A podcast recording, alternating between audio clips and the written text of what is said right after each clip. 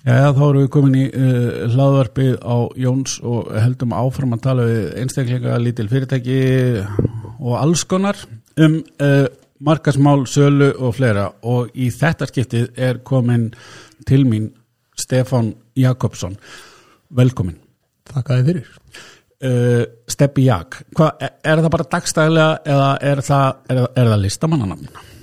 Um, það er svona kannski þróast út í að meira að vera innan gæsalappa listamannanafnið Já. en ég hef ekki tekið eftir í gegnum tíðina hvort fólk segir Stefán eða Steppi. Nei, akkurat. Það er yfirleitt Guðrún sýsti mín sem að verður rosalega reyð ef einhver segir Steppi. Já, Þannig að svona almenna reglan er þessi vini mínu segja Stefán ok. og hinn er segja Steppi. Já, það, já, áhugavert, já, já. Held ég. En Já, ég, já. ég bara tekið ekki eftir þessu. Sko. Nei, nei, ég, ég líka sko í, í bara sem krakki, amma mín kallaði mig kallaði mig Bubbi Speni veit ekkert út af hverju. Og, hérna, það er mjög gott. og mamma mín hefur oft kallað mig Spói. Já, og það farið svo yfir í dimmu aðalega kannski byggi, mig yfir eitt Spói og svo svona stundum segja strákurinn og ég heyri engan mun á neina þessu. Ég, Nei, ég nei. bara veit að vera að tala um mig. Ég er bara svo hundur, það er bara eitthvað svona tótt sem kemur og ég veit að það er auðvitað að vera að tala um mig. Æ, ég var einmitt bara í gær í háskólan með Reykjavík að tala um sko svona leitar orð í markasetningu og þá erum við dæmi um að ef einhver myndi spyrja hundi minn hvort hann hérna hefði gaman að sjónvalsterinni Lost að þá myndi hann klálega sína 100% aðtegli því að það hljómar eins og ost. Þannig að hérna, þetta, þetta er svona bara hjá þér að það er bara komin einhver hérna ákveðin orð sem eru bara föst og það er ég og ég svara. Já, Já. það er er mjög raukvægt Ég er bara tölva sko. Já, en með við öll þessi nöfn þá passar það kannski með við öll hérna hvað við segja, hlutverkin sem þú ferði í, í, í starfiðniðinu þau eru doldi mörg. Þeir eru orðin ansi mörg og hérna, jú, jú, þetta bara þetta, þetta rúlar? Þetta rúlar, ég, ég hugsa sennilega minnstu Já, akkurat ég skilji uh, Sko, það sem að mér langaði svolítið að ræða er bara þetta sem að við þurfum uh, mörg okkar að gera og ekki síst til uh, tónlistar og og hérna listafólk á Íslandi að vera með marga hatta og vera svolítið úti með öngulinn til þess að bara hérna láta þetta ganga allt upp. En áðurinnum fyrir það þá þurfum við aðeins að svona fá smá bakgrunn fyrir þessa tvo sem er að hlusta á og veit ekki hver maðurinn er. Uh, hvað hérna ef við byrjum bara eins og sannir Íslendingar hvaðan er Stefán? Stefán Jakobsson kemur úr Míosveit og uh, það er að ég er, ég er þar uppalinn, fættist náttúrulega á Húsavík það er svona, byrjar hérna, byrjar illa sko. En bara því fæðingadeildin er þar. Ég, ég fekk minn fyrsta, ver, fyrsta verðlunapenning 14. janúar 1980 fyrir að vera fyrsta barn sem fættist á fjóru sjúkrarhúsinu Húsavík það ár já sætla því að hérna þetta er bara, og byrja á topnum Já, já, byrja, bara, byrja bara á medalíu Mm. Já. og pappi minn er bara 100% úr mjög sett, mamma mín uppalinn í Reykjavík en kemur, amma kemur úr uh, hérna Súðavík litla. Mhm. litla bæja Súðavík og afi minn, móðu meginn kemur úr Vestmanni þannig ég er svona blanda af svona galdrafólk í rugglutöllum og fyllibittum Ah, það er perfect blanda maður. Hvað er hérna og, e, ég var sérna ólstuð þá ólstar upp og, og skóla og Já, já, Já. allir bakinn sko. Já, já, já, og hérna alveg upp í það var ekki tíundibekkur heima í Míasveit þannig að við fórum í, í tíundibekk á, á laugar á hérna heimaðist já, já, já, sem var bara geðvegt Uh, já, ég hef prófað það líka. Það ekki þann skóla en heimaðist það, er- toppurinn. Ég, mér finnst það allir þetta að fara heimaðist Já, ég er eiginlega bara hérna, verið að vera sammála því sko. það er svona eitthvað learning curve. Það er mjög holt þú, Mhm. ert, þú ert hluti af, af einhverju mengi sem við getum kallað samfélag en nógu lítill til þess að sko þú skiptir ekki máli nema innan þessa mengis. Já, já, það getur pröfað alls konar. Já, já, sjálfsvært er ekki að hugsa um þetta á þeim tímpúnti nei, nei, nei, nei. En svona lítur ég lítið baka og ég er að, hérna, dóttir mín ætlar að fara í hennar skóla næsta ári og, og þetta er sem ég segi við hann, þú, þú, þú getur verið tiltölulega stór í litlum podli Já, og, og þróa því það en þið langar svo til þess að verða eitthvað meira og, og annað sko. Já, já. Og það er fullt af góða fólki sem hefur farið í gegnum laugar. Já, akkurat, ég og marga góða vinni sem að farið þarna í gegn og allir eh, aldrei, sko, það er margt svona sem að maður heyrir 90-10, 80-20, gott og slemt og eitthvað, þetta ég er bara ekki ennþá eitt slemt, sko. Nei, það er nú eiginlega bara þannig, sko. Múkisson var hann Já, Birgitta Haugdal, vá, það, nú, Frási í Skálmöld. Það er ekkert annað. ah, og fleiri og fleiri. Já. og, og hérna, hvað heldur hann Jón Jón Þór Búk Hérna, hann, er- sem er þrýr metrar á hæða. Já. Já, já, ég var í, hérna, ég hitti hann nefnt í Hafralækjaskóla, hann kom þaðan vantalega þá. Já, Já, akkurat, nú eru konir, þetta er alveg íslenski sveitamann að tala saman hérna, svona átt að vera. lengst þannig að, já, svo við höldum okkur við, við spurningur þá elst ég bara upp í, í Mjöðsveit í, í þessu litla krútlega samfélagi sem að var þá sko allan að minningi mín í þannig sko að það eru eiginlega allir foreldrar og eiginlega allt fólki að það meira og minna er frá aldrei 25 upp í svona 37 ára Og hvað er hérna á þessum tíma fólk að, fyrir marga sem að hlusta, þó ég veit kannski betur, en þá hérna þegar endar setninguna, neða orðið á orðinu sveit, Já. þá hérna sjáðu fyrir sér hérna söðfí og bæt og allt sem því til er, en fólöldur þínu eru ekki bændur, Uh, hefbundir. Nei, pappi kemur af bænda fólki en uh, við höfum aldrei verið í bændunum svona bara með svona hobby og svona með bara kannski hjálpa hinnum ættingum og svo leið sko. Akkurat, hefði fyrir. Pappi minn vann í kísuliðinni og það var eiginlega það sem flestir gerðu. Akkurat, og hún er því miður hérna hætt, lokaði, lokaði 2004 já, þá bara kísuliðan fyrir þá sem ekki þessi tveir þá sem er að hlusta, vita ekki þá gekk hún út að dæla kísilgúr upp úr mývatni og, og vinna hann, svona forvinna. Já, og svo var þetta selt úr landi Já. og uh, skaffaði fullt af tekjum fyrir okkar fína samfélag mhm, og uh, hann var pappi minn, mamma mín var bara að vinna fyrst í sundleginu og hárkurslu kona og svona eitt og annað bara. Mhm, og, og að því að samfélagi er svona ungt þá var náttúrulega alveg ævintýrlega mikið djam Þa, það, þannig er píliti minningin sko. það, það voru bara, við vorum alltaf bara geimt einhver staðar svona Mm. krakkarnir.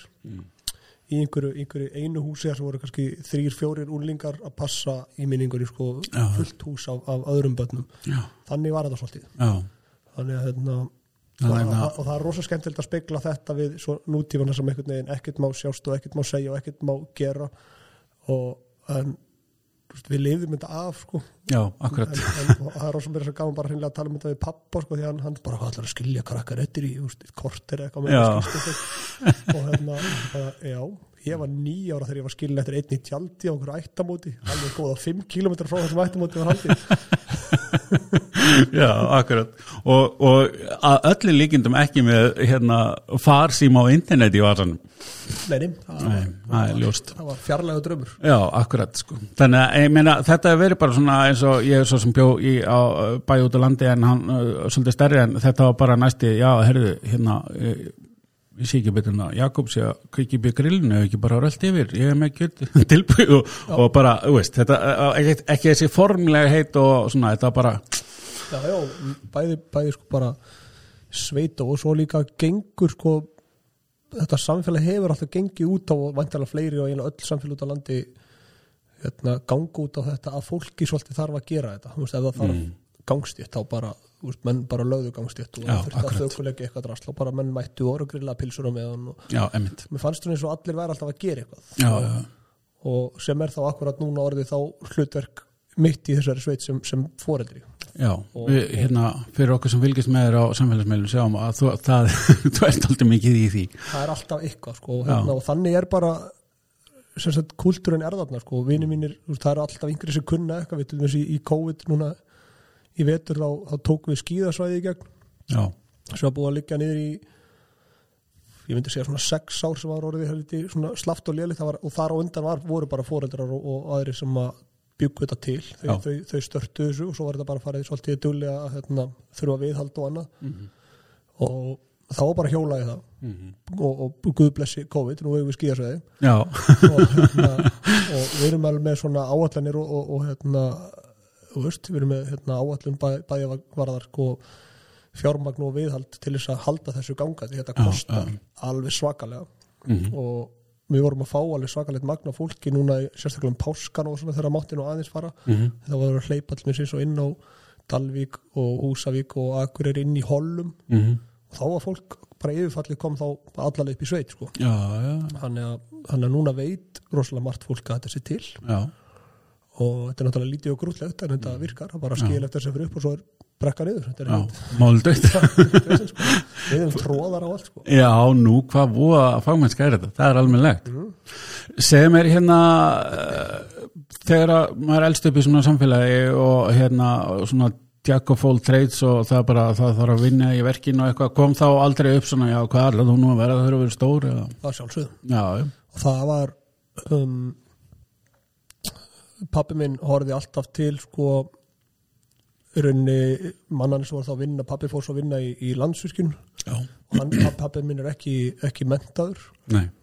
Og hann horfði svolítið duglega til sko það sem hún kannski vantaði, hann var þá hugsað út frá sjálfum sem meira að, að ég ætti að fara og læra sko velvirkjunni eða velstjóran eða eitthvað mm -hmm. í það sem rafvirkjunni eða eitthvað þá þannig sko til þess að reyni vera þá uh, gældgengur í að vinna þá í körbluvirkjunni eða einhverju slíku. Mm. Og- Mjög skynsanlegt já, já, praktíst og, mm -hmm. og, hérna, og, hann nefnilega sko voru ofta að vinna kannski sömu störf og þessi menn en náttúrulega fær þá skurinn í læri laun af því hann er ekki blað sem segir ég kann þetta Já, akkurat. Og svona, og þegar ég var sko úlingar fannst mér þetta alltaf pínu komist að það voru að koma sko, þessir vélstjóri voru að koma í bílskurinn og pappa með bílanu sína því þeir vissi ekki hvað þetta laga þá. Já, eins og þegar það er að laga einhverja turbínu í, í virkju þá eru þeir kannski mm -hmm. þeir allan með blað sem segir ég kann sko Já, já, akkurat og er að og ég byrjaði í, í þessu ég var náttúrulega kláraði hérna tíundum eitthvað laugum og svo tók ég hálft fyrst ár og hérna og held svo ég væri hérna ástfangin og fór uti til Akureyjar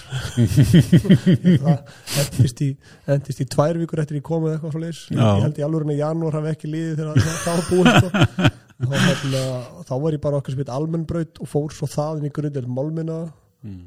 Og kláraði sérst fyrsta stig á því er þetta tv- tvær tvö stig. Mm. og kláraði svo í kjölfarið eitt stig í velstjórn sem því er held ég basically mátt kera árabót eða eitthvað svona. Það er rosa lítið. Og 2,5 hestöfl. Það er eitthvað mjög lítið sko. Og hérna og uh, svo bara fann ég mig ekki í þessu sko, mér varst gaman, mér varst allt bröltið svolítið skemmtilegt sko, mér varst gaman að vera þú veist að, að, rafsjóða og, og, og, og rennibekk og eitthvað svona þannig Ver, Verklegi hlutin átti meira en grunntekning, og Já og sko það sem að kannski vaðut fyrir mig voru raungreinar sko, mm. sem eins og það var eitthvað grein sem mann sem heit aflvila virkun mm. og í grunninn var þetta ekki droslega flókið það er að segja sko visuált og, og ég held sko svona ég hugsa tilbaka að, að, að því að ég er nú svona örgulega ykkur starf okkur rófi að hérna ég er með, með aðteglisberest og, og ég er svona nálagt ég verið með vera á virkur en ég er það ekki ekki sangat sko skilgrinningu Mm. að þ- þessi sko þessi kall sem var að kenni þetta var náttúrulega bara eitthvað gamall játniðnaða larfur sko Mhm. og hann, hann svona, ég skal reyna að leika svona og þetta sem þetta hljómaði og þetta, þetta fer ekki inn í eirun mín sko. Þetta er leiður slag en ég skil alveg sko þegar hann sýnir mér hvernig uh, úst, ég mann hafa mynd af, af krók á, á skjánum og, og veist, við áttum að reikna út hvar mest í burðurinn í króknum væri. Ég veit það alveg. Já, já, en ég gæti ekki reikna ég Já. veit samt alveg bara með hyggjuvitinu hvað þetta á að vera og er alveg svona þannig, ég get alveg hugsað þessu verkfræðingur Ég en ég get bara ekki reikna það nei, ég veit alveg hvað er ég þegar ég er að smíða eitthvað heimi hjá mér hvernig er sirka best að búa til drast til þess að haldist uppi. Já, já, en mér vantar bara akkurat sama á pappa, mér vantar blaði sem segir þú kannt þetta. Og úst, ég myndi aldrei geta reikna burðaþól þaks eða eitthvað, því ég bara veit ekki formúluna og ég bara myndi ekki skilja hana, ég myndi horfa á þetta. Þetta myndi bara vera eins og maurur á blaði. Já, þannig að ég er svona flostnað úr þessu og svona svo ég tekja nú ekki allan daginn í þetta því ég var sko held í sjö ári í verkmyndaskólanum Mhm. að, að bara væplast og ég lærði, ég kláraði ekkert. Nei. Ég byrjaði á, á félagsfræði, íþróttafræði uh, einhverju sko, þetta er fjandanum.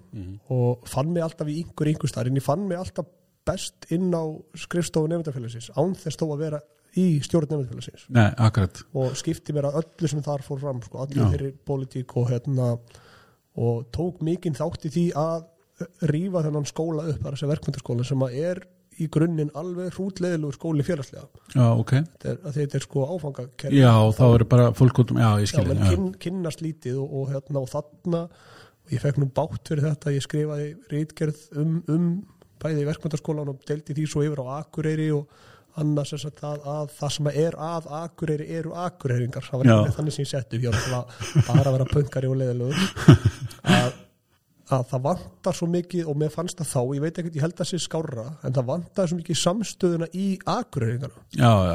það er að segja, allt þetta gekk upp mér í mentaskóla það var náttúrulega svo sem bekkjakerfi og svo leiðis en það sem að þessi skólar áttu sammeðlegt að í hvorum skólanum var akureyringar í einustu stjórn.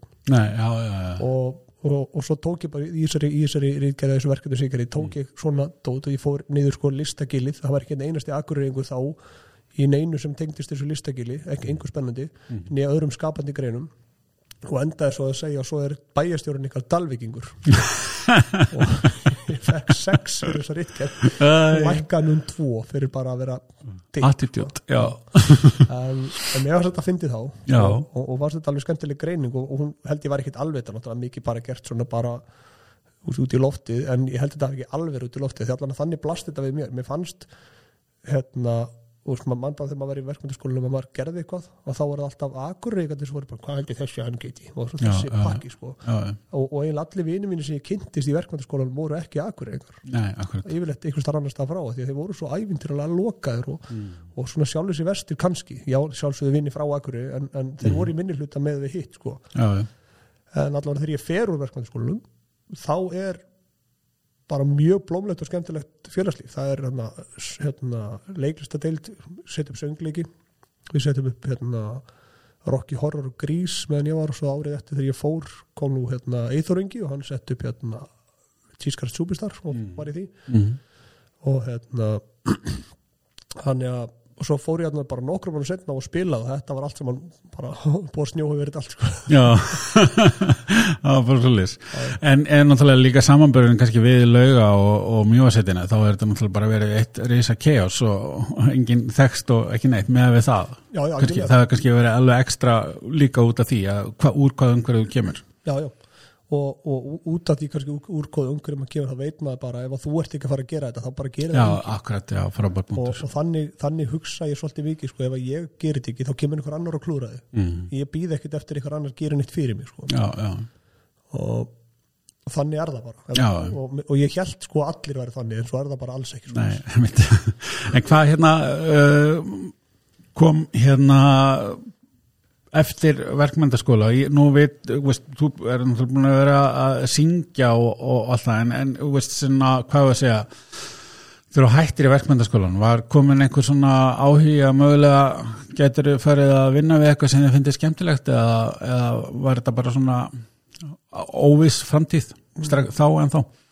svona já og nei. Það er að segja sko án þess að maður kannski viðkjöndi að beint fyrir sig þá var hjarta alltaf í, í tónlistinu og metnar en það sko. Ég fórnaði það var líka kannski vegna þess vegna sem að ég kannski var ekkit rosalega duglegur en gerðslega að læra í skólanum að því að ég var alltaf einhvern veginn með hugan við þennan bransa hýfa upp sko félagslífi í skólanum þetta er allt bara showbusiness. Og hvort sem að tengist í að ég sé að koma fram með Akkurat. eitthvað annað, maður er bara búa til eitthvað stuð. Og þannig var það líka í, í, á laugum að við, byggum til útarstöð og sjónastöð og eitthvað svona. Mm -hmm. og, og hérna og sama svo sem þegar ég fór í háskólan þá, þá var allt innu til hérna ég var í, ég er sérst er mentaður þroskaþjálfi. Já, þar voru við sko 4% strákar mm og við náðum samt að búa til sko 15 manna grúpu í kennara háskóla húsinu sem heit Geitin sem var hérna hagsmunafélag karlmanna og mentavístasviði sem var mjög skemmtilegt, það var svo gaman að vera í minni hluta. Þannig að við erum vel að orðni sko alltaf sem að það sem að feminismin gengur út á bara í hináttina við vorum að fordæma kvenna kvöldin og hana Uh, okkur geitin. Eh, það var bara vegna að ég og Bói vinnu minn sem var svona óvart orpuðumst þarna inn í svona pínlíti svona svona hliðar glerhísi á ganginum í skólum og þekktust ekki neitt fórum við að spjalla og þá komist að þau verðum fættir sama ár og ég fættur 14. januar og hann er fættur 16. januar Já. við vorum báðir í stengitin, þetta var ekki flóknara Nei, það var ekki dýpr en það, en gott samt. og við, ég, fó, ég var, var búin að vera að vinna í skiltafyrirtæki og ég let prenta út eða skera út í svona gluggafilmu geita logo og hérna, settum það í gluggan á þessu rými og það er þarna ennþá. Ég Nei, útskrifaðist 2013 já, já, vel gert. þannig að geitin er ennþá í skólanum en, en ég er ekkit viss um að hún sé til sem félag. Rauninni, þetta var mafía. Já, ég skil þig. Hvað hérna tónlistar ferillin? Ég, ég ímynda mér að kannski það sé eitthvað svona, þú getur, já, þennan dag klukkan þetta þá byrjaði minn tónlistaferill en hvernig er svona ef við bara förum í hvað við segja, eh, bara já bara söguna eða þannig, hvernig hvar, hvar byrjaði það? En það byrja bara heima í, í stofu hjá pappa og mammu, það er mikið músík bara allt í kring, það er kórastarf og, og, og þess áttar sko. Mm -hmm. Föðubróður minn var hérna, kórstjóri í Langháskirkju í 50 ár, Já, vel gert Jón Stefánsson mm.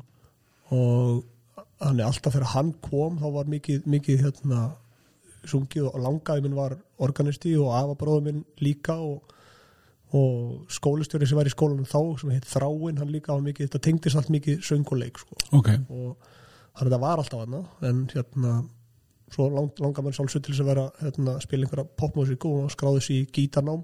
Pappi hérna, er bassalegari og ég flosnaði upp á því bara því maður þetta er svo leðilegt maður Já. bara að sitja með eitthvað klassískan gítar og, og spila eitthvað lag sem ég vissi ekki hvað var og, og reyna að lesa nótur Mhm. og, og þetta er, ég held að þú geti fengið svona 200 stráka eins og mig sem að hafa nákvæmlega sömu sögu að segja að þeir hefur næstu yfir dottnir út úr tónlist út af þessu já, um, ég ætla svo ekki að gera lítið úr því þetta er alveg nöðsulegt, alveg nöðsulegt að gera leiðilega hlutina, en ég held að það þurfa að byrja pínlítið poppara til þess að Já. koma um að staða sko. mm. og hérna þannig ég, já, bara það varði ekki neitt og neinu fyrir en það kom hérna maður tók við sem skólistýri og hann hétt Garðar Karlsson. Og ég man bara í hyrði sko svona út fyrir húsotn þegar hann var að útskýra fyrir einhverjum manni í, í, í skólalemd hvernig hann sagði þetta fyrir sér og ég svo, vá, þetta hljómar rosa eins og þannig er ég 13 ára. Mm. hljómar svona eins og mig langar að gera. Þannig ég hérna labbaði út fyrir hodni og spurði hvort ég mætti ekki skrá mig og hann sagði, já, tónlistaskólinn um og ég, á búin að hætta tvisum en ég ætlaði ekki að fara heim til mamma og pappa og spyrja hvort ég mætti fara í nei og að borga þessa peninga tvöru röð og Stefán búin að hætta. Mm. þannig að ég náði að semja venum það að ég fengi að koma eftir skóla.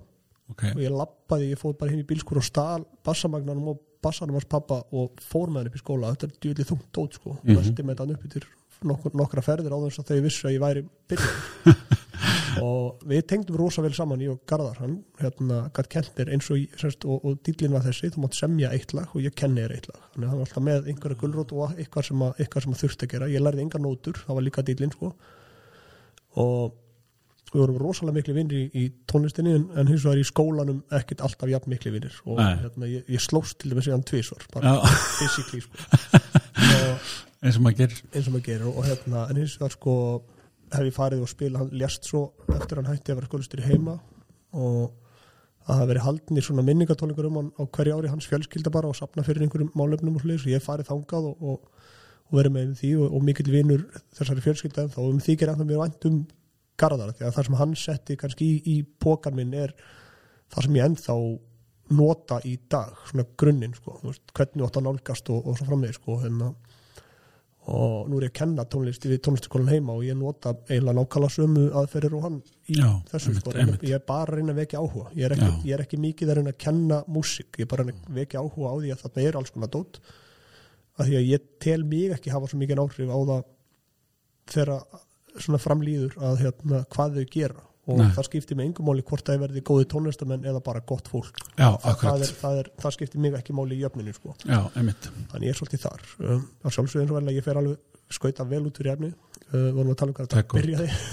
Það er bara perfect á, á það svo sem samin þetta á öllum þessum stöðum, ég fer svo bara á, á veist, maður- það er alltaf eitthvað sjópesni svo skemmtilegt líka í, í skólanum heima, þú veist, þegar maður verður komin í eldri bekkina þá, þá fer meira svoleiðis að vera á skólaböllum og við erum að reyna að búi til einhverju ljómsveitur og gegn til ekki neitt, það er mm. Hlutastlega fáir sem gátu og þannig, en, en þú veist, alltaf eitthvað, einhver progress og svo já. sama á laugum og maður reyna að gera eitthvað þar og ég byrjaði í, í hljómsveit, ég ætlaði ekki að vera söngari og því sem nú alveg haldið til að ég ætlaði að vera bassalegari svo fór ég á laugar og þá var bara tveir betri bassalegarir í skólhljónstinni þar Já. hljónstin sem var að að reyna að búa til.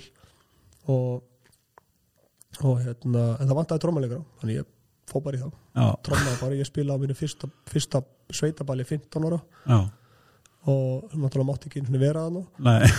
Og átrómur, hýtaði fyrir hljómsveit sem að hétt uh, Síva frá Norrfyrði og í henni var hérna Haldán Steinþórs sem að hérna hann var með djúpulögina og Já, já, já, já, já, já, hann er, er með, hann er nú business skall hann er með hérna, Já, er hann með eða hann, já, ég, ég allavega með þetta í kollin ég veit hvað þú meina, já, akkurat, já, hann er allavega alveg rosa successful. Hann var allavega söngarinn hér svo hljómsveit Einar Ágúst var á bongo trómum manni og þetta var, old, school. Og hérna allavega þarna var maður svona, já, byrjaði að finna svona mér því hann búin að fá fyrstu greiðslunni sinni sem voru 1000 íslenskar krónur. Já, alveg spila á balli og reyðafri Já, þá áttum að fá 6000 skall á mann en endum að fá 6000 skall á bandið já, og það var ekki tekið inn í ferðarkostnaður sko. það var sko, fjóra og háls klukkutíma ferðarlag og hérna emmitt á, á dæja to Charade. Já, því að nú vandalega það ekki verið með mjög mikið að græði með okkur nei, Akkurat. og hérna Og og hvað svo?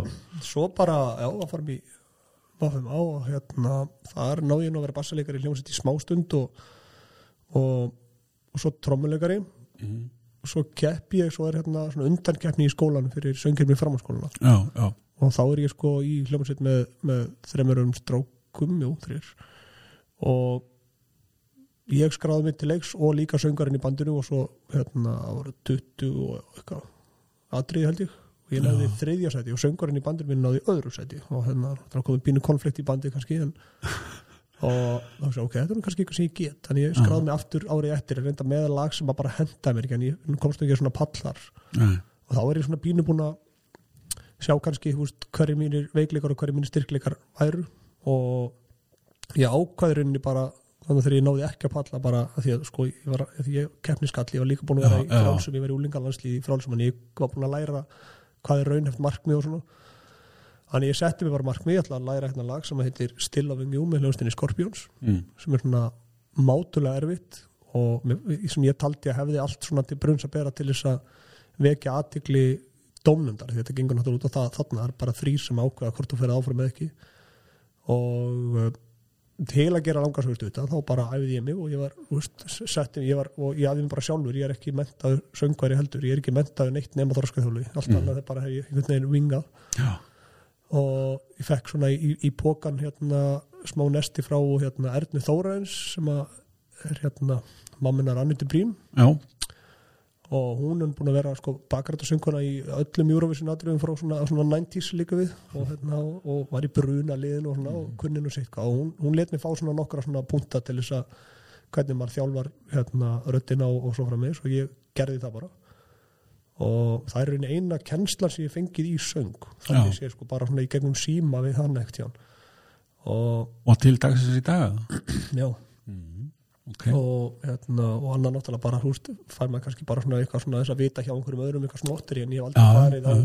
ég fór eitt helganámskeið að Herubjörg einu sinni bara í svona complete vocal tekning um, sem var gaglegt að þýldum til að allan þá, þá fekk ég svona staðfyrstingu að það sem ég var að gera var rétt. Þannig að það vissi að ég var réttur leið. Þannig, en, en, ég, en það bætti einhver sérstöku við an- annað en bara svona sjálfsöryggi og vissu. Já, já. Og svo tek ég þátt í þessari undirkenni í verkmyndaskólanum og uh, ég vil bara meina að ég hafi jarðað hana. Og fór þá og fekk að keppa í þessu sem var þá, sem var þá ennþá þeng þá 2003 var hérna söngjumni framhanskólan ennþá stór. Og það var náttúrulega big deal. Það marg, margir okkar fremstu söngurum hafa komið inn í gegn. Akkurat. Og veist, það við aftur að tala um Birgit, við erum að tala um Jónsa, við erum að tala um Magna við erum að tala um Reginu, Ósk og Heyri Björk og Emil Lanturini og bara halda áfram. Á- Ágústa Eva og bara nefndi það sko. Já, og hérna hann fer ég og hérna og sigraði ekki en sigraði samt. Já, ok. Það var vegna þess að hérna domnefndin sem var þá Óli Palli og Gestur Einar og Birgit Haugdal þeim fannst eitthvað klent vegna þess að þetta er í fyrst skipti sem þessi keppni var haldin á Akureyri. Þetta fekk ég bara staðfyrst frá domnefndinni lungu setna, einhverjum árum setna á hvað spyrja þeim fannst klent að hafa tvo Akureyraskóla í efst á, á palli. Þannig já, ég ákvað bara að velja annan Akureyri sem stað hérna mentarskóla Akureyri vann já, já, og uh, ég ekki. Já, svo bara einhver aðri skólar valdir í já, og þetta rauninni varð fyrir viki meiri sigur Já. ef ég hefði verið í öðru seti eða þriða seti þá hefði það bara verið svona, já flott, hann kast allan um pall og ekkert meira já, það. já, já, en það var allt svona brjálað, það var svona dómaraskandals brjálað mm, og sem gera verkum að, að, að enn þann dag í dag, fyrir átján ár síðan er ég að hitta fólk sem að er, er fullt yfir þessu, Já, fyrir já. mínu hönd sko. ég hef aldrei litið á þetta nei, sem það, því að meina, þetta er ekki eins og þegar ég, þegar ég var í frálsum og þetta keppi í hlaupi, þá bara sá sem er fyrstur í mark, hann vinnur mm, þannig er það ekki í listgreinum þá er það bara einhver apaköttur sem að situr hana og, og þarf að hugsa fyrir sjálfan sig hvort hann finnst þetta nógu gott eða þetta er svona skoðun mm -hmm. það verður rosa fyndið og það var hins vegar í 100 metrar hlaupi Já, já, akkurat. mér finnst þessi hann sem var nú með 5 betri Já, hann, hann, hann gerir þetta miklu betur eldur en þannig að þú, hann fær velunin Já. en þarna er náttúrulega, kemur inn á það sem þú byrjaði á þarna er náttúrulega húsvíkingur í dóminn það er náttúrulega bara vesinn sko. já, já Það er alveg þannig. og náttúrulega ég hafa búin að móðka agröðingara með hinn og það er með gesteinar hann er ég Já, kannski ekkert endilega Varst ekki búin að fara upp á Akranes eða- Nei, Nei, ekki þá. Ég var ekki búin að drulli við Rakarborgin eða, Þannig að Já, en, en svo þetta hefur nú vandalega hérna, samt, já, klálega verið byr í, í, veist, seglin að hérna bara ná að, hvað við að segja eisa þetta bara svona vel að, að þú vissi það allavega sjálfur að þetta var í leið Já, það er eiginlega það, sko, þá er ég bara komið svona sjálfströst bara, Já, ég meina á, það. Ég á erindi í þennan bransi, ég búin að fylgjast með þessu sem sönginu framhanskóluna og músiktilunum alla æfi og hérna og, og, og vissi þá náttúrulega þetta er gluggi til að komast eitthvað áfram og svo, ég kefti svo í músiktilunum, það var reynda sem trömmalegari mm, og komast ekki upp úr en, þannig, en, en, og ég var alveg sammálaðið, það band bara var hreinlega ekki nógu gott. Mm, og ég hef líka alveg hugsað um það sko að ég, til mér svo er 2003 líka að um hausti byrjar sko hérna keppnin. einmitt.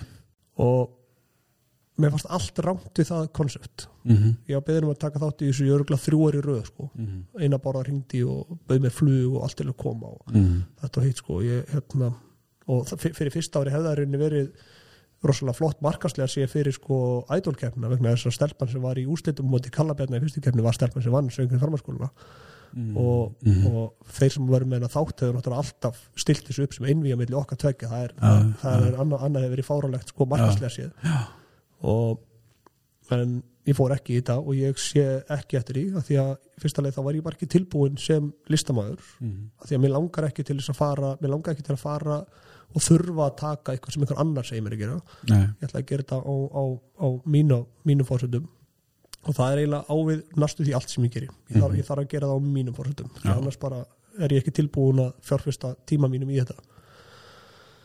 Og ég hérna já, segi nei við þessu öll þessi ár og, og er svo bara í svona hljómsveitum. Ég var á Akureyri sem heit uh, og heitir en þá, hún hætti ekkert, hún heitir Douglas Wilson. Mm, og við vorum alveg með drauma og svo náttúrulega bara eins og með fullt af hljómsveitum og þú getur auðvitað aftur fengið hundra svona tólestumennir sem við sem að fara í gegnum svoleiðis og vinnirnir sem að voru með þeir í bandinu upp að þeir svona finna sér eitthvað annað að gera, þeir eru ekki með sama passion. Mín, Mm. mín stefna var alltaf einhvern veginn í þess átt sko og, og hún var alveg hjá hinum en ég held bara að þú þarft að vera þú þarft að vera geðbilar til þess að ætla að vera já af því að þetta meikar ekkert sens. Það er, það, það er ekki örugt starfslega séð og, og það er ekki, svona tekjutar eru bara engar.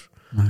og, og tíminn sem fer í þetta er ómældur og, og, árangur líkur á árangri eru litlar. Þess og vegna vinnitímin alveg alveg glórulaus. Já, þannig að hinn er sko heitt út út svona til hæra og vinstri, einhver fór í flugunám og einhver fór í þetta og sko, Mhm. Þannig hann var ekkert úr svona ég flytt suður og stopnaði aðra hljómsveit sem að heitir hétt þá Alþingi er þetta 24 5 ára e, já, cirka já. já. 2004-2005 Mhm. og hérna og alþingi mátti heita þessu nafni í fimm og hálfa mánu þá fengum við tölupost frá uh, lögfræðingi Solvegar Pétursdóttir sem var fósitt í alþingi þá Mhm. yfir það þetta gengir nú ekki upp þetta nafn já, og hann kallar á fund og mér svo tvo fundi í eitthvað herbyggi sem heit færiska herbyggi þá hérna í alþingishúsinu Mhm. þar sem þetta var útskýrt að þetta gengi ekki Mhm. og hann hefði breytum þessu nafni yfir í Þingtak Mhm. og það er svo þaðan sem að í rauninni, það, það er í bassaleikari og söngari og þetta er svona prokkband svolítið og hérna mikið, mikið djúvilgangur í gangi og skemmtilegt og þar heyrir sko Birgir Jónsson í, í mér á, á tónleikahátti sem heitir Akureyri Rokkar, þá var hann í hljóðstinni 13 og hann var þá nýgengin til leys við, aftur við, við strákana í dimmu. Og Silli hafði svo verið að taka upp lag sem ég gerði með Gulla Falk heitnum og, og þeir voru nefnilega að leita sér að söngara og því að söngarinn í dimmu hafði hætt og trómalegarinn byggja á komin aftur og, og hérna og þannig að þeir voru sérst allir þrýr sammála um það að, að þessi gaur sem að þeir höfðu séð væri fín þeir vissu ekki þá að þetta var allt sami guðurinn sko. já, já, þegar gerðu smá research á komið til ljós þannig að þurfti nú, það voru ekkit frekar í pröfur í, í dimmi, ég var bara fengið á eina æfingu og svo var þetta klárt. Já, einmitt. Og þar fór sábólt að rúla þannig að mm. þetta er búið að vera bara svona og ég er búin að vera meðfram þessu alltaf eitthvað aðeins að trúbótora og aðeins að þetta og vera í ballhljómsveit og, mm og alls konar. Og alltaf náttúrulega hugurinn er alltaf við að vera í hljómsveit sem að býr til svona eigin músík. Mér finnst hitt líka mjög skemmtilegt. Mér finnst mjög skemmtilegt að, að setja mig í skó annara tónlistamanna og, og reyna einhvern veginn að finna hvernig ég get þú veist, í það, í það, í sko allavega ekki gert þetta verra heldur en svo sem að gera þetta orginal. Og gert það þínu kannski? Já, mm. með, með, og, og ég er með alveg ákveðna svona formúli í höfðunni hvernig það á að vera gert. Mhm. mm. sagt, og nú maður náttúrulega svo gamall svona hundur sko, að þá er ég sjálfsögur skoðuna hvernig aðrir gera þetta þegar það tryggja þetta eitthvað, ég er eins og mjög jákvæður þegar fólk Já. er að taka annar manna lög og búið til einhvern, einhvern hérna, einhverja sína útgóðum Mhm. og ég reyni að hugsa ok, þau, þau sáu þá bara þetta þarna sem listamenn, þau eru þá, ég þarf að geta sérst speklað þannig að ég sé eitthvað og þau sjá eitthvað og hvort þetta er beint ránt, já, akkurat. Þó með kannski finnist það ekki skemmtilegt. Nei, nei, nei, nei. en, en, en, en ég hef hins vegar ekki sko að var alveg þannig að manni fannst allt þetta baldót svona, svona hljóðstöri svo móti sól og í sörtu fötum og svona algjört drasl og það var því að þannig að maður er alveg upp kannski í, í rockgeranum sko. akkurat svo er þetta bara, margir þessum strákur núna er bara mínu bestu vini sko. Magni er bara hérna, strákur þessi í ringi ef maður vantar bara svona föðurlega leiðsögn í poppinu sko. já, akkurat, akkurat. Hann er bara búin að gera allt. Þetta var oft talað sko um FM 957 versus Exit Já, sem var Já. alltaf bara exit á móti rest, bara exit að vera tussur og, og hinnir voru ekkert að hugsa um þetta sko. nei, akkurat. Bara gæti ekki verið meira saman algjörlega. Þannig að þannig er þetta komið svona já, þegar, og svo þegar ég bara sé hérna þess að stráka í dimmu það var ekkert endilega sko músikin sem var seldi mér koncepti að byrja í Nei. þessu bandi, mér fannst þetta bara þannig er ég loksist komin í einhvern ramma sem að hefur einhvers konar stefnu, ég þarf ekki einn að draga vagnin í þessu bandi, að þeir eru, þeir eru miklu klára en ég, þeir eru búin að gera allt sko. Mhm. Biggi var hérna í jójó og þeir eru búin að vera í stripsjó, ég hlustaði á stripsjó sem úlingur sko, sem að Ingo og Silli voru í. Já, þannig að ég er svona leindaljós til að pínu aðdáandi. Mhm.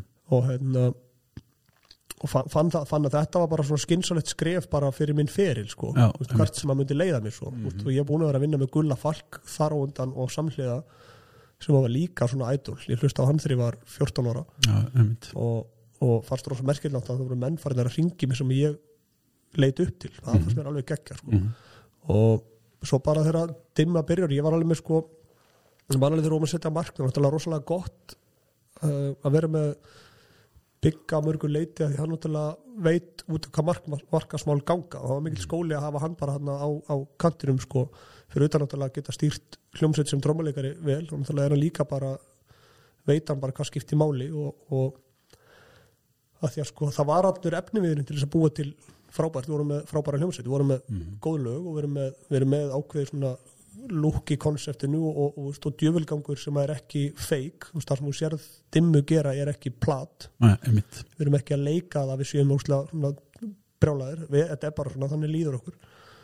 Og, og hérna hann er hérna og byggi náttúrulega einhvern veginn stýrir þessu þá svona örsálsvið með okkur en hann kannski svona ánum allan að mínu, mínu viti mestan heiðurinn að sko, hvernig þetta stýrist sko. Já, það, það stýrist úr því að vera bara svona semi-pró yfir að verða bara alvöru pró Já, Ég akkurat meina, við kunnum þetta bara ekki hinnir nei. og það er bara, það skal bara viðkjörast Þetta er náttúrulega, þú ert með, þú ert með vöru það þarf að koma inn á marka ef varan er ekki, er bara allt inn í bílskur þá er hann ekki, þá er hann ekki vara þá er hann bara einhver hlutur inn í bílskur sko. Já, og ég einmitt. tengdi alveg við margt sko þegar hann var að segja sko, við ætlum að setja okkur markmið okkur sliðis og ég meðan þetta var rétt fyrir hérna menninganótt ykkur tíðan og ég sagði bara næsta ári þá erum við að fara að spila á, á Mhm. Og ég manna þá, þá ljómaði hann upp sko, þá, þá, var, þá, vorum við að tengja sko, þá vorum við að tala um sama hlutin sko, markmiðið þarf að vera hálit sko. Og mér fannst þetta fullkomlega raunhæft sem að var reyndar ekki árið eftir, það var ekki fyrir 2015 Mhm. og þetta er þá 2011 sem þetta er, þannig að fjórum árum eftir ég, eða þá held ég þremur árum eftir að ég segi þetta hérna, gerðist það. Mhm. en, en mér leið þannig að sko kannski er ég að segja með því að við erum að fara að spila á Arnarhóli sem að náttúrulega fjarlautur um þá er að okkur er allir vegi færir. Veist, bandið er já. og einu sem þarf bara er að stýra því í réttan farveg. Mhm. og það hefur tekist. Menn við erum, við erum bara svona, ég myndi nú bara ekki bara vera með engan, engan hrók og en- ekkert vera litlir í okkur, bara við erum bara einn stærsta hljómsd á Íslandi punktur. Já, það, ég, hérna, það, það þarf ekki að samfæra mig mikið, ég er búin að fylgjast með hljómsveit frá degi eitt, sko, búin að, hérna, tónleika með hjálta sem söngar og, og svo þér og allt þannig ég, ég, ég er alveg fullkomlega sammála, þannig að, hérna, en hvað, veist, er, er þarna á þessum tímapunkti, er komið svona bara eitthvað, hérna, hvað var að segja, svona, er komin einhver svona tilfinning, já, já, þetta, já, þetta geti bara verið djópið mitt. um, svona já, það gerðist bara svona eiginlega svo óvart í rauninni hvernig það svo þróast. Þegar svo var ég að samlega þessu í, í skóla, ég byrjaði í námi 2010, klára 2013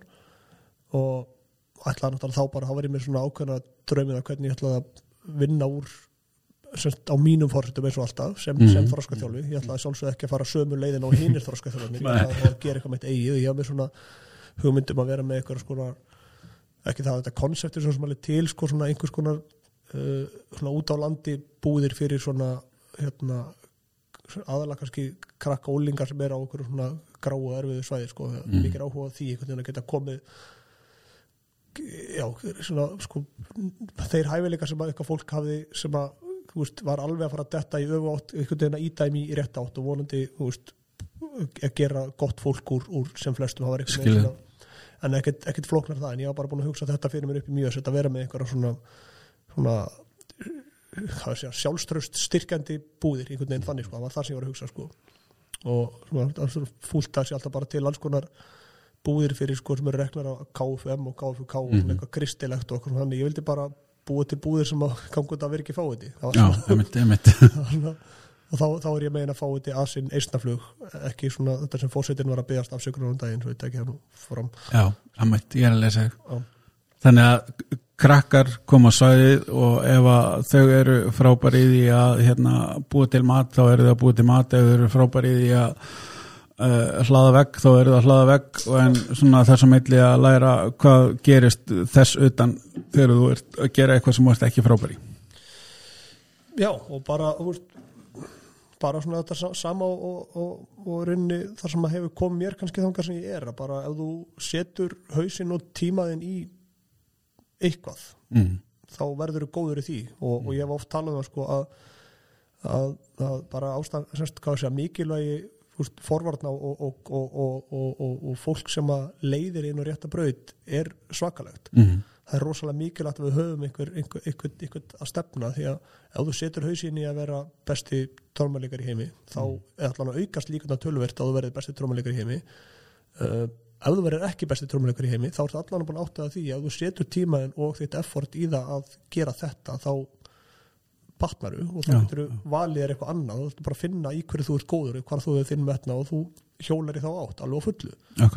Uh, og sama náttúrulega í rauninni þá sem að lenda þá út af spórinu og ég hef alveg eins geta lent þar eins og, eins og allir hinnir að er að segja lenda í því spóri kannski að vera bara besti eitthvað nýttandi á Íslandi. Og, og, og, bara, og því miður fara bara margir þá leið. Já, já, algjörlega. Og, en eins og að allt þetta fólk átti nákvæmlega sama möguleika á því að verða bestu manneskir heimi, það búið búið til fleiri fleiri tugi kvikmynda um einhvern sem að kemur frá brotnu heimilu og allt er ómögulegt og, pappi fullur á barðiði og allt þetta. Samt meika hann það sko. Já, þannig að það er aldrei afsökun sko, umhverfið er ekki afsökun. Það er einhvern veginn þetta sem er langar alltaf að koma í gegn sko, og þú, þú átti ekki að finna þér afsökunni til að vera aumingi og ég veit ekki hvernig maður á að koma þig út úr sér á, á einhvern fallegan máta en þetta er svolítið þarna. Nei, bara þú, þú þart svolítið að hérna bara já, taka ábyrðið á þér og þínu og þínu lífi og á þess að vera alltaf að kenna því um sem að hérna gerist áður og, sem, og það sem að er gerist í kringu þig. Já.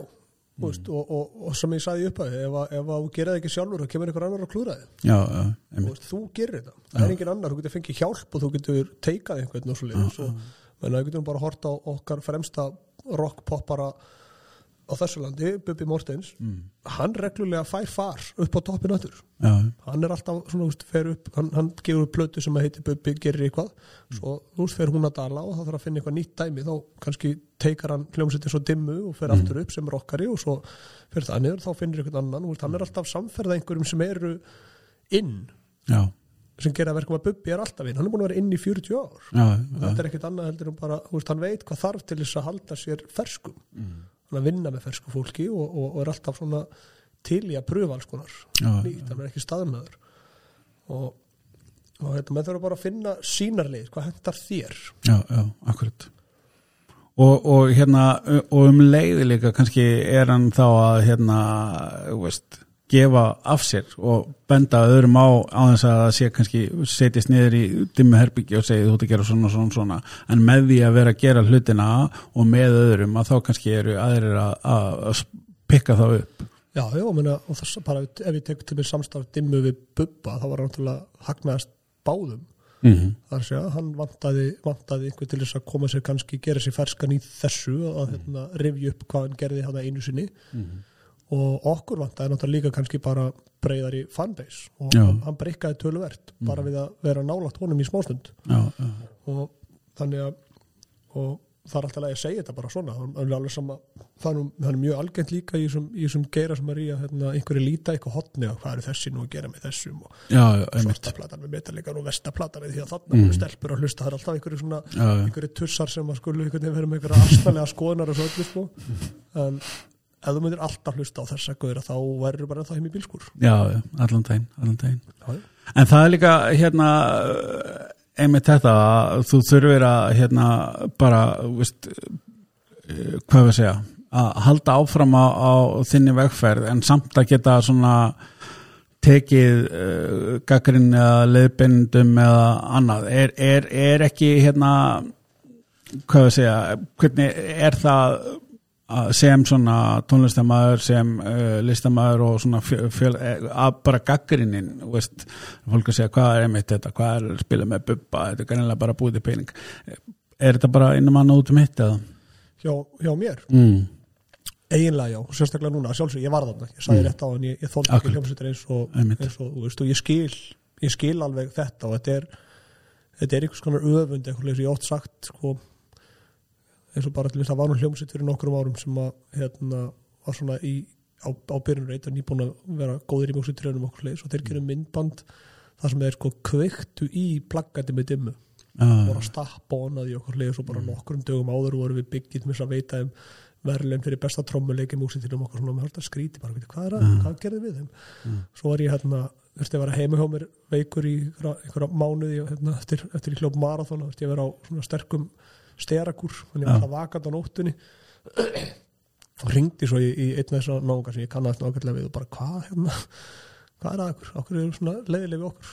Og þá sagði hann bara þið fáið allt upp í hendurnar og, og hérna einhvern veginn eins og þetta væri bara við höfum ekki að gefins og elsku vinnur hérna, það er ekki svo leiðis, við erum alveg öruglega búin að vinna Ingo í dimmu, hann vann músitilunni 1985 og þú fættist 1993 sko, þannig að veist, við erum alveg öruglega búin að móka skurðin og hérna, svo bara rættu þetta og ég meðan þetta skemmtilegt að því að núna er enginn af þessum gaurum með einhvern hundsala sem við erum búin að ræða og svo er nefnilega þeir nefnilega búin að koma sér áfram og þeir eru einhver, staðar á leiðin þeir eru búin að spila út í heimi og búin að já, bara, getum sagt að bara meika það þannig að, veist, að meika það er bara huglagt ástand Ja, og ja, ja. þú ræður því hvernig það gerist.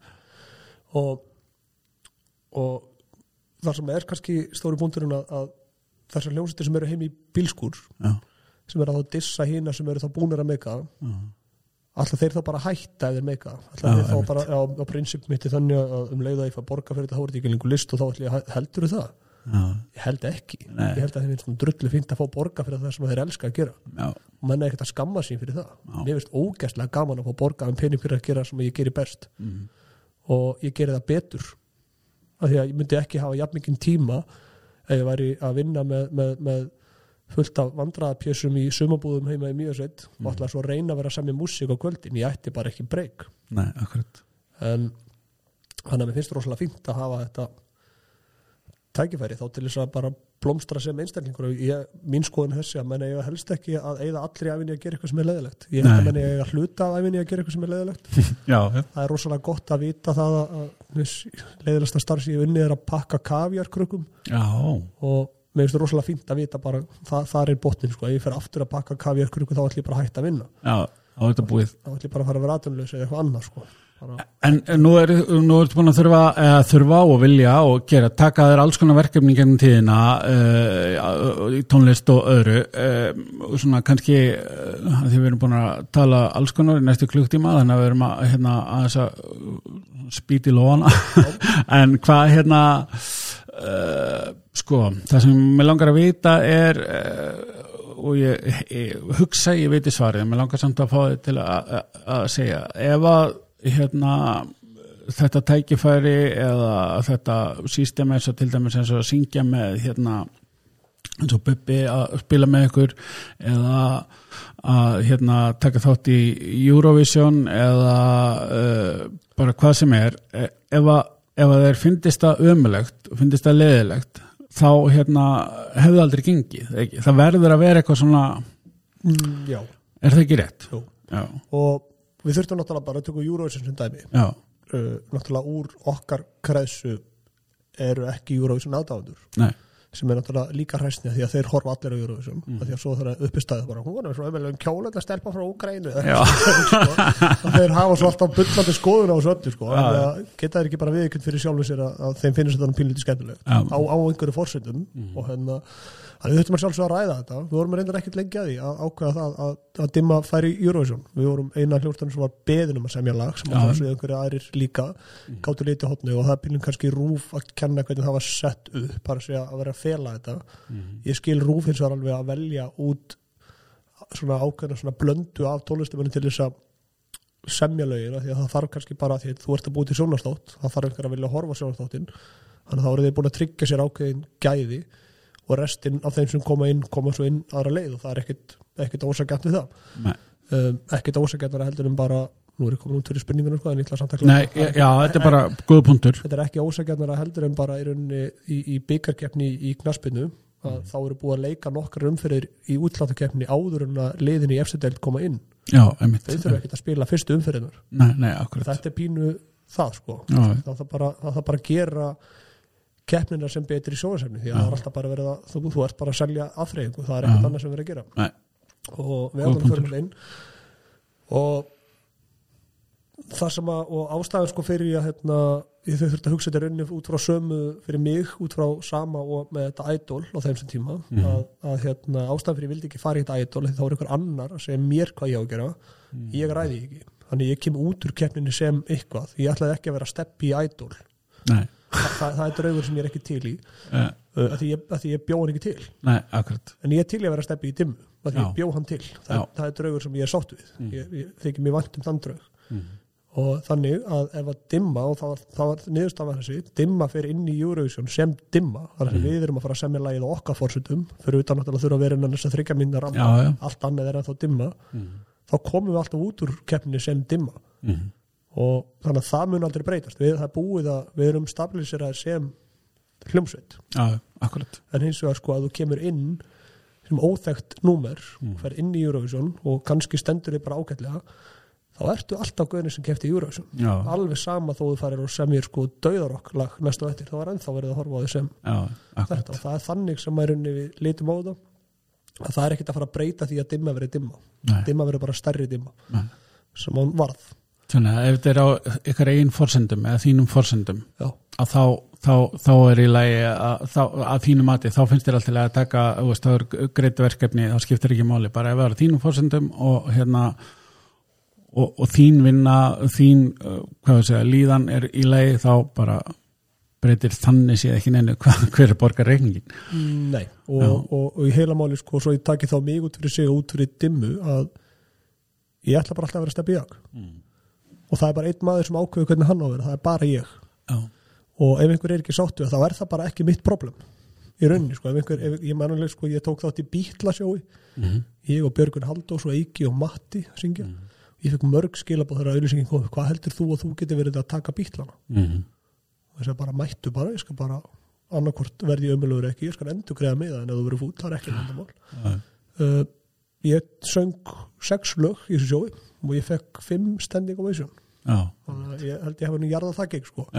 Ég veit alveg hvað ég get. Já, ég þarf engan annan til þess að draga úr því eða segja mér hvort ég get eða ekki, ég veit nákvæmlega hvað ég get. Já. ég er orðin 41 ás, ég er ekki ég er ekki að byrja í sí morgun sko. Nei, nei. ég veit mér að kosta, ég veit mér að galla. Mm. og mér finnst rosalega skemmtilegt að fá verkefni í hendunar sem að einhver annar efast um. Það er að vera pínum vera gaman. Pappi hefur nokkur sinnum komið með svona ertu nú því sem allir að gera þetta?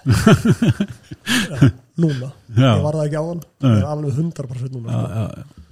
ef við tökum svona key takeaways þá kannski þá uh, finnst allavega fyrir mitt leiti hvað sem að við erum að tala um uh, tónlistamann eða markasráðgjafa eins og mig sjálfan eða hérna befilegvirkja eða hvað sem er að þá uh, þetta að einmitt að vera að gera hlutina á þínum forsendum Númer hérna eitt, númer tvö kannski líka að heldur líka ekki að taka þig of alvarlega í byrjun og hafa svolítið og hafa mjög gaman af hlutunum og, og hérna og gefa þér og umhverfinu og öðru fólki tækifæri og sko síðast en kannski alls ekki síst eða bara fyrst að ekki býða eftir einhver aðri gera hlutina. já, Er þetta ekki kannski mögulega einhver uppskrift? jú og, og, og sko þó þú sér búin að ákveða að fara frá A til B Mhm. þá þýr ekki sé ekkert stopp á leiðinni Nei, akkurat. og, og þarf bara að vera pínu opinn fyrir því úst, hvað gerist á leiðinni og þá vera bara sátt við að það kannski úst, tók ekki tók stýttri eða lengri tíma eða eitthvað annað, bara vera tilbúin að vera opinn að bregast við því sem gerist á leiðina því að þú hefur bara svo svo mikil áhrif á umhverfið. Mm. og, og heimurinn hættir ekkert að snúast og að þú misti í því að þetta er útskoðan en þú ert með markmið þá og ert búin að sjá sirka leiðina hvernig þú ætlar að ná því þá náttúrulega aukast líkurnar. Þetta er bara, þú ert alltaf bara að auka líkur á, á, á árangri. Það er ekkert gefið þó að sett bestur í ykkur og náir árangri. Það er ekkert endilega gefið. Nei, nei. en, en svona í rauninni bara er þetta það, þú fer bara stað og þetta fer aldrei verið en illa það er illa þá bara gerir eitthvað annað og aftur, skilju, ekki, ekki skíti brækurnar og gefast upp sko. Nei, akkurat. Ekki, ekki, meðan þú ert ekki að, hérna, hvað við að segja, hvernig orða maður þetta skemmtilega, uh, veist, uh, taka einhvern annan niður eða fara illa með einhvern annan, veist, og þá bara, þá bara láttu vaða og prófa þið. Já, já, sko það er alveg ágætispunktur líka menn, sko, og ég, ég er líka segur um það sko, við erum að tala niður til annara sem eru komnir eitthvað áleiðis. Mm. fyrsta lagi, þá myndu mögulega þurfa að heilsa þessu fólki einhvern tíman Mhm. og þú þekkir þetta fólk ekki persónulega þannig ekki gera ráð fyrir þetta séu astnar. Og mm. líka ekki endilega það sem það er að gera. Uh, þú mynd líka kannski bara akkurat vera í þessari stöðu sem akkurat ég er búin að vera. Er hljómsveit búin að kveika í plakaturinn mínu. Og hennar og og mér varst mun betra að nálgast á, á vinnarnahátt og bara spyrja bara hvað, hvað er að, okkur er að þessu? Og, þá, sérst, og ég tel að ég hafi náða að leggja eitthvað inn í þeirra banka bara, við mókuðum hennar skurð, það er engin að keira limosínuna fyrir dimmu, nei, nei. ég á bara hérna pallbíl út af plani, Já, ég þarf að skipta kúkablegum mínum börnum sjálfur, ég þarf að borga mína reikninga, ég þarf að fara í bónus og alls konar, það er ekkert glóri, sko, þetta Nei. er bara stöðugur mokstur á drullu, alltaf. Já, já. og hérna En góður ávinningur. Já, já, þú veist, og, og, og náttúrulega fyrir þá sem vilja, menna fyrir, ég held að sko fyrir langflesta sé mín vinna óþólandi. Mm. Ég held að þú þurfir að vera geðbilar til þess að vera í þessu því að þetta er, þetta meikar ekkert sen, sko. Nei, Þetta er vittlisa að mörguleit, ég sjálfsögur þetta gaman, það er gaman að skemmta fólki, það er gaman að gefa af sér og gaman að fá tilbaka, en þetta er bara ekkert fyrir alla. nei, nei. nei. Og eins og ég horfi þá bara á ykkur sem hefur kannski gaman að sitja á, á Þá kannski finn, það einhverju finnst það örugglega rosa gaman. Bara, hann er bara að hlusta podcast og, og föndur allan daginn. Mm. Einmitt. Og það er alltaf leið. Ég er ekki þar Eh, Svo að það sé nú fært í bókar fyrir þau hérna stressaða fóreldra sem sem að hérna eru að fara í slæma heim rocksins að þá er hérna klukkan núna nýju á mótni og við erum búin að vera hérna í klukkutíma og hérna ég og það er, ekki, það er ekki að því við vorum vakandi allar nótt heldur vögnum bara snemma í morgun. Já. þannig að hérna rockarar geta að lifa hilsusamlu lífi. Þannig að hérna bara svona langaði að fara þetta til bókar. Það er bara mjög gott að minnast á það. Ég var, ég kyrði að norðan í gær Já. ke kendi til hátis Já. kyrði hingað í bæinn. Já, með börnum mín. Já, þau eru núna upp á gisti heimili að gera sér klári í morgumat sem að ég ætla að láta þið fá klukkan tíu eða fyrir hálf tíu. Já, ég æfði til hálf tólf í gærkvöldi. Já, vaknaði sjö til að koma til þín. Og dagurinn er pakkaður af verkefnum tengdum hljómsdynni, við erum að fara að undirbúa núna klára að undirbúa tónleika í, í Eldborg. Mm. og það er engin það er engin annar en dimma að halda þessu tónleika. Nei. það er ekkert viðbæra fyrirtæki að gera þetta. Við erum bara að gera þetta, við erum okkar fólk er að sjá um allt sjóið, Silli og, og konar Óli Verðla er að teikna upp allt og, og, og hérna, öll vídjón all, alla visjólunum sem eru. Mhm. og, og þetta sjó er 100% hannað og gert af dimmu. Og það er ekkert að því að við erum alltaf fullur út í bæ. Nei, það er vegna þess að við erum fucking duglegir. Já, og svo verðum bara fullur út í bæ þegar það er búið. Já. ég ætla að vera fullur á föstudaginn. Já, já Ég er uh, nú þegar fullir tilhökunar vegna þess að ég var með á þessa tónleika og ég ætla að mæta og, og fylgjast með. En hérna bara uh, örglega ekkert að því sem ég ætla að tala um hérna töluðum en þetta er búið að vera alveg snildar hérna spjall og virkilega gaman að fá þig og bara takk hérlega fyrir að gefa þig tíma í þetta. Steppi, já, takk fyrir komuna. Takk fyrir leys